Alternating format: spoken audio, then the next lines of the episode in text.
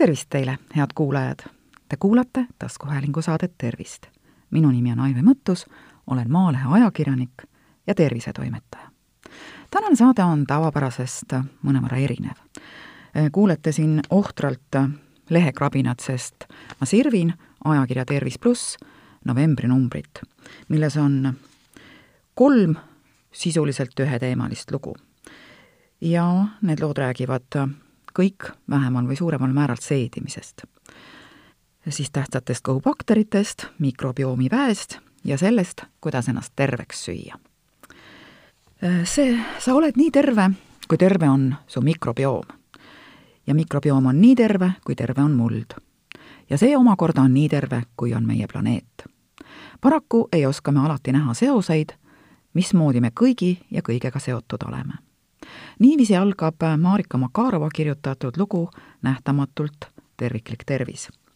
ja selle loo peategelane on Ameerika keskkonnajurist ja kirjanik Albert Bates. mis siis on mikrobioom? see on kõigi kehas olevate mikroorganismide ökosüsteem, millest sõltub inimese tervis, toidu seedimine, aju- ja närvisüsteemi töö ning palju muud. kaheksakümmend protsenti mikrobioomist elab soolestikus meie kehas on mikroorganisme umbes kolm korda rohkem kui rakke ning iga inimgeeni kohta tuleb sada kuni tuhat mikroorganismi geeni. teadlased on kindlaks teinud, et mida mitmekesisem on meie mikrobioom, soolestikus, nahal, suus, ninas ja naistel ka tupes elav bakterite, seente, viiruste ja arhebakterite kooslus, seda tervemad oleme ka meie ise. just mikrobiomi teha on, kui tugev ja tasakaalus on ainevahetus immuun- ja hormonaalsüsteem, seedimine, närvid ja aju. me ei ole lihtsalt meie, vaid kõik need tillukesed mikroorganismid, kellega me oma keha jagame. tore mõte, eks ole? vahetevahel oleks hea mõelda sellele, kui palju me neist pisikestest tegelastest tegelikult teame.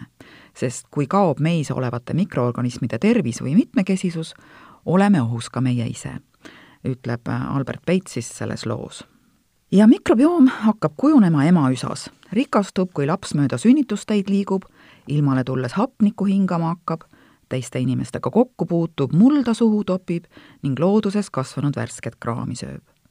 seega, mida rikkalikum on pinnase mikroorganismide kooslus, seda jõulisemad on taimed ja seda tervemad oleme ka meie.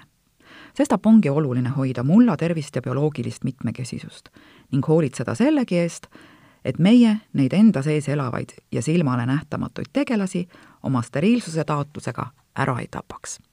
siinkohal räägin ma teile äh, leheloole lisaks siis ühe loo päriselust. noh, tõenäoliselt juhtus see juba üsna mitukümmend aastat tagasi, mina kuulsin seda siis, kui, kui ma juba ülikooli lõpetanud olin.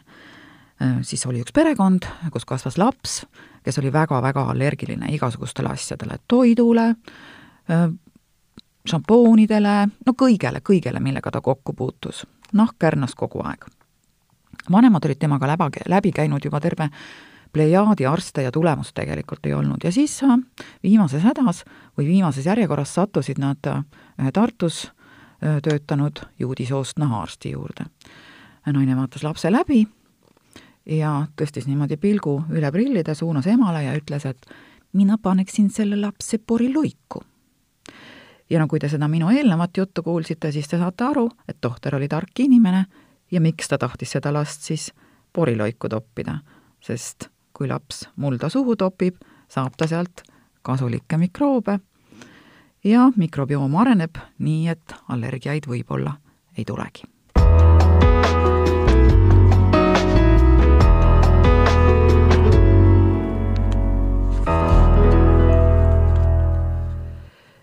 lugu on loomulikult siin ajakirjas äh, märksa pikem ja seda saate siis ise edasi lugeda. aga läheme siit äh, järgmise loo juurde, mis kannab pealkirja Tervis ja kehakaal sõltuvad soolestiku heaolust. ja see tegelikult on ka siis suuresti lugu mikroobidest. selle on kirjutanud Ene Veiksaar ja loos saavad sõna toidu- ja fermentatsioonitehnoloogia arenduskeskuse toiduteadlane Rain Kuldjärv ja toitumisnõustaja Kätrin Karu, kes tutvustavad, kuidas oma soolestikus toimuvale jälile saab. oluline on mõista seda, et soolestiku mikroorganismide ökosüsteemi mõjutavad paljud tegurid. õige toitumisega õnnestub toetada nii-öelda kasulikke ja pärssida kahjulike bakterite elu. ning esimene küsimus äh, selles loos, mis siis Ene Väiksaare poolt teadlastele esitati, on, kas valesti söömisest tervisehädad algavadki. ja teadlased vastavad, et jah, seedimisest saab alguse suur osa tervisehädasid jämesoole ning samuti immuunsüsteemi tervis sõltub paljuski nii-öelda läbikäigu kiirusest. umbes veerand täiskasvanud elanikkonnast on hädas kas kõhu kinnisuse või kõhu lahtisusega. ja me tihti ei mõtle sellele, et kui kõht on kinni, siis tekib sooles roiskumine. Seal kasvavad need bakterid, kelle kasvamist me ei tahaks, sest need, nende toodetavad toksiinid soodustavad põletikke. kui kõht on lahti, siis pestakse soolestik liiga kiiresti läbi ja kasulikud bakterid uhutakse välja.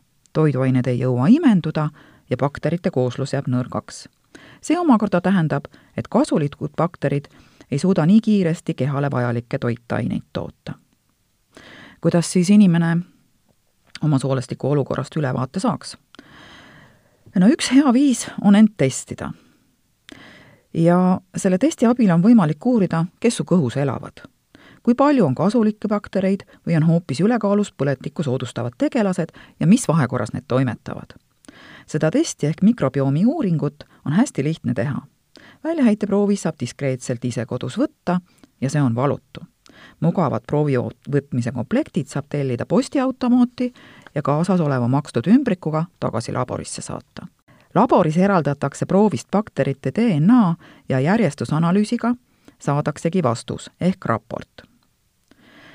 See raport siis ehk inimese väljaheiteproovi analüüs annab ülevaate soole mikroobi kooslusest, bakterite osakaal, põletikega seotud bakterite liigid ja hulk, bifidobakterite ja laktobatsillide hulk ja nii edasi. selle kõige abil saab hinnata ka valkude ja kiudainete tarbimise tasakaalu. muuhulgas annab test hinnangu, kas valgu tarbimine on optimaalne, sest kui me tarbime rohkem valku, kui organism suudab omastada, siis seedimata valk jõuab soolde ja toidab neid baktereid, keda me ei taha seal nii palju kasvamas näha. peale selle on veel raportis palju muud kasulikku infot, näiteks põletikku tekitavate bakterite hinnang.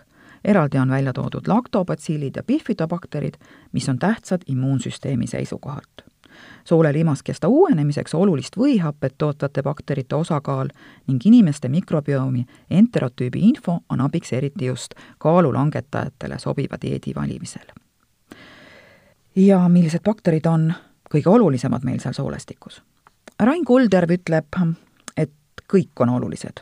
natuke sõltub sellest, millised probleemid inimesi vaevavad aga testide tulemuste põhjal saab siis anda tagasisidet, kas või mida oma toitumises muuta võimalik on, et mingeid toiduaineid peaks rohkem sööma ja midagi peaks vältima. no päris vältida ei ole mõtet äh, ja ei tohigi tegelikult, lihtsalt võib-olla vähem süüa. ka siis, kui on palju põletikuga seotud baktereid, saab anda toitumissoovitusi, mille järgimisel need bakterid enam ei võimutse. ja kõikide nende teadmiste abil on võimalik rikastada oma menüüd arvestada tuleb aga sellega, et test on tasuline ja mina seda ilma arsti soovituseta tegema ei läheks. ikkagi arutage enne arstiga läbi, kas on mõtet oma raha selle testi peale raisata. kes meie soolestikus aga üldse elavad? soolestikus elab ligi kolm kuni viis korda enam mikroorganisme, kui kogu meie kehas on rakke. Seedetraktis elab rohkem kui sada triljonit bakterit tuhandetest liikidest ja igal liigil on selles koosluses oma ülestanded ning vastavalt sellele võib neid tinglikult jagada kasulikeks ja kahjulikeks bakteriteks. seetõttu on mikroorganismidel suur loll meie igapäevase tervise ja heaolu mõjutamisel. seedehäired on ilmselt valu kõrval ühed enam normaalset elurütmi häirivad vaevused. Sellest hoolimata on paljud inimesed teadlikult või teadmata end harjutanud pideva kõhukinnisuse või kõhulahtisusega elama ning paljud ei otsi abi enne, kui probleemid talumatuks muutuvad muutused mikroorganismi koostises ja mitmekesisuses on seotud mitmesuguste üsna sagedaste autoimmuun ja ka teiste haiguste ning hädadega, nagu näiteks allergiad, ülekaal, seedetrakti haigused. Äh, siinkohal siis võiks nimetada eraldi ära ärritunud soolesündroomi, aga ka südame- ja veresoonkonna haigused, diabeet ja reumatoidartriit. palju räägitakse äh, seedimisest ja kiudainete rollist selles. millist rolli kiudained soolestikus täidavad? kõik meie soolestikus olevad kasulikud bakterid tahavad süüa. ja kui me manustame kiudaineid vähe või tarbime neid ühekülgselt, siis kasulikud bakterid, sealhulgas probiootilised bakterid, võivad jääda nälga ja vohama hakkavad halvad bakterid. headel bakteritel ei ole piisavalt toitu ning nad ei saa seetõttu tegutseda, kuigi meil oleks nende abi hädasti vaja. kiudained aitavad parandada ka soolestiku motoorikat ning vedelikku imades ja paisudes tekitavad nad täiskõhutunde. seega ei söö me üle, kui toit on piisavalt kiudainete rikas. Kiudainete vaesematega, näiteks rafineeritud toodetega, ongi see häda, et me võime üle süüa väga sageli, kuna me ei taju, millal kõht hakkab täis saama. nii et see oli siis lugu soolestikubakteritest ja ajakirja lõpus on veel üks lugu, mille autoriks on Liis Auväärt ja peategelaseks rootslane Martina Johanson. ning loo pealkiri on Veganist veedunud lihasööjaks. No see lugu räägib sellest, kuidas nooruses alguses vegetaarlane, äh, siis ainult lihast loobunud, kuid piimatooteid ja muna ja mett tarvitanud noor naine läks veel kaugemale ja otsustas hakata veganiks vältides üldse igasuguseid loomseid tooteid. ja kuidas ta siis selle läbi, mis tema tervisega toimus, jõudis veendunud lihasööjaks. no siin loos on palju juttu dieetidest, mina dieetide pooldaja ei ole, arvan, et inimorganism vajab kõiki toitaineid ja süüa tuleb kõike mõistusega.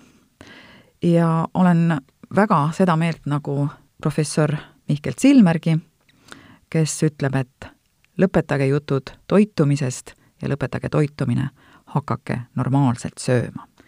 nii et Tervis pluss novembri number on selline ajakiri, mida tasub äh, igal juhul lugeda ja sirvida, saate palju targemaks selle kohta, millised bakterid teie organismis elavad, kuidas nad teie soolestikus toimetavad ja kuidas see kõik teie tervisele mõjub. head kuulajad, te kuulasite taskuhäälingu saadet Tervist saate leiate Delfi podcastide pesast tasku, nutirakenduste Spotify, Apple Podcasts, SoundCloud ja teised. hakake jälgijaks ja kuulake just teile sobival ajal. Ettepanekuid teemade kohta, mida saates käsitleda, ootan teilt e-posti teel aadressil tervist.maaleht.ee. minu nimi on Aive Mõttus, olen Maalehe ajakirjanik ja tervisetoimetaja. tervist teile!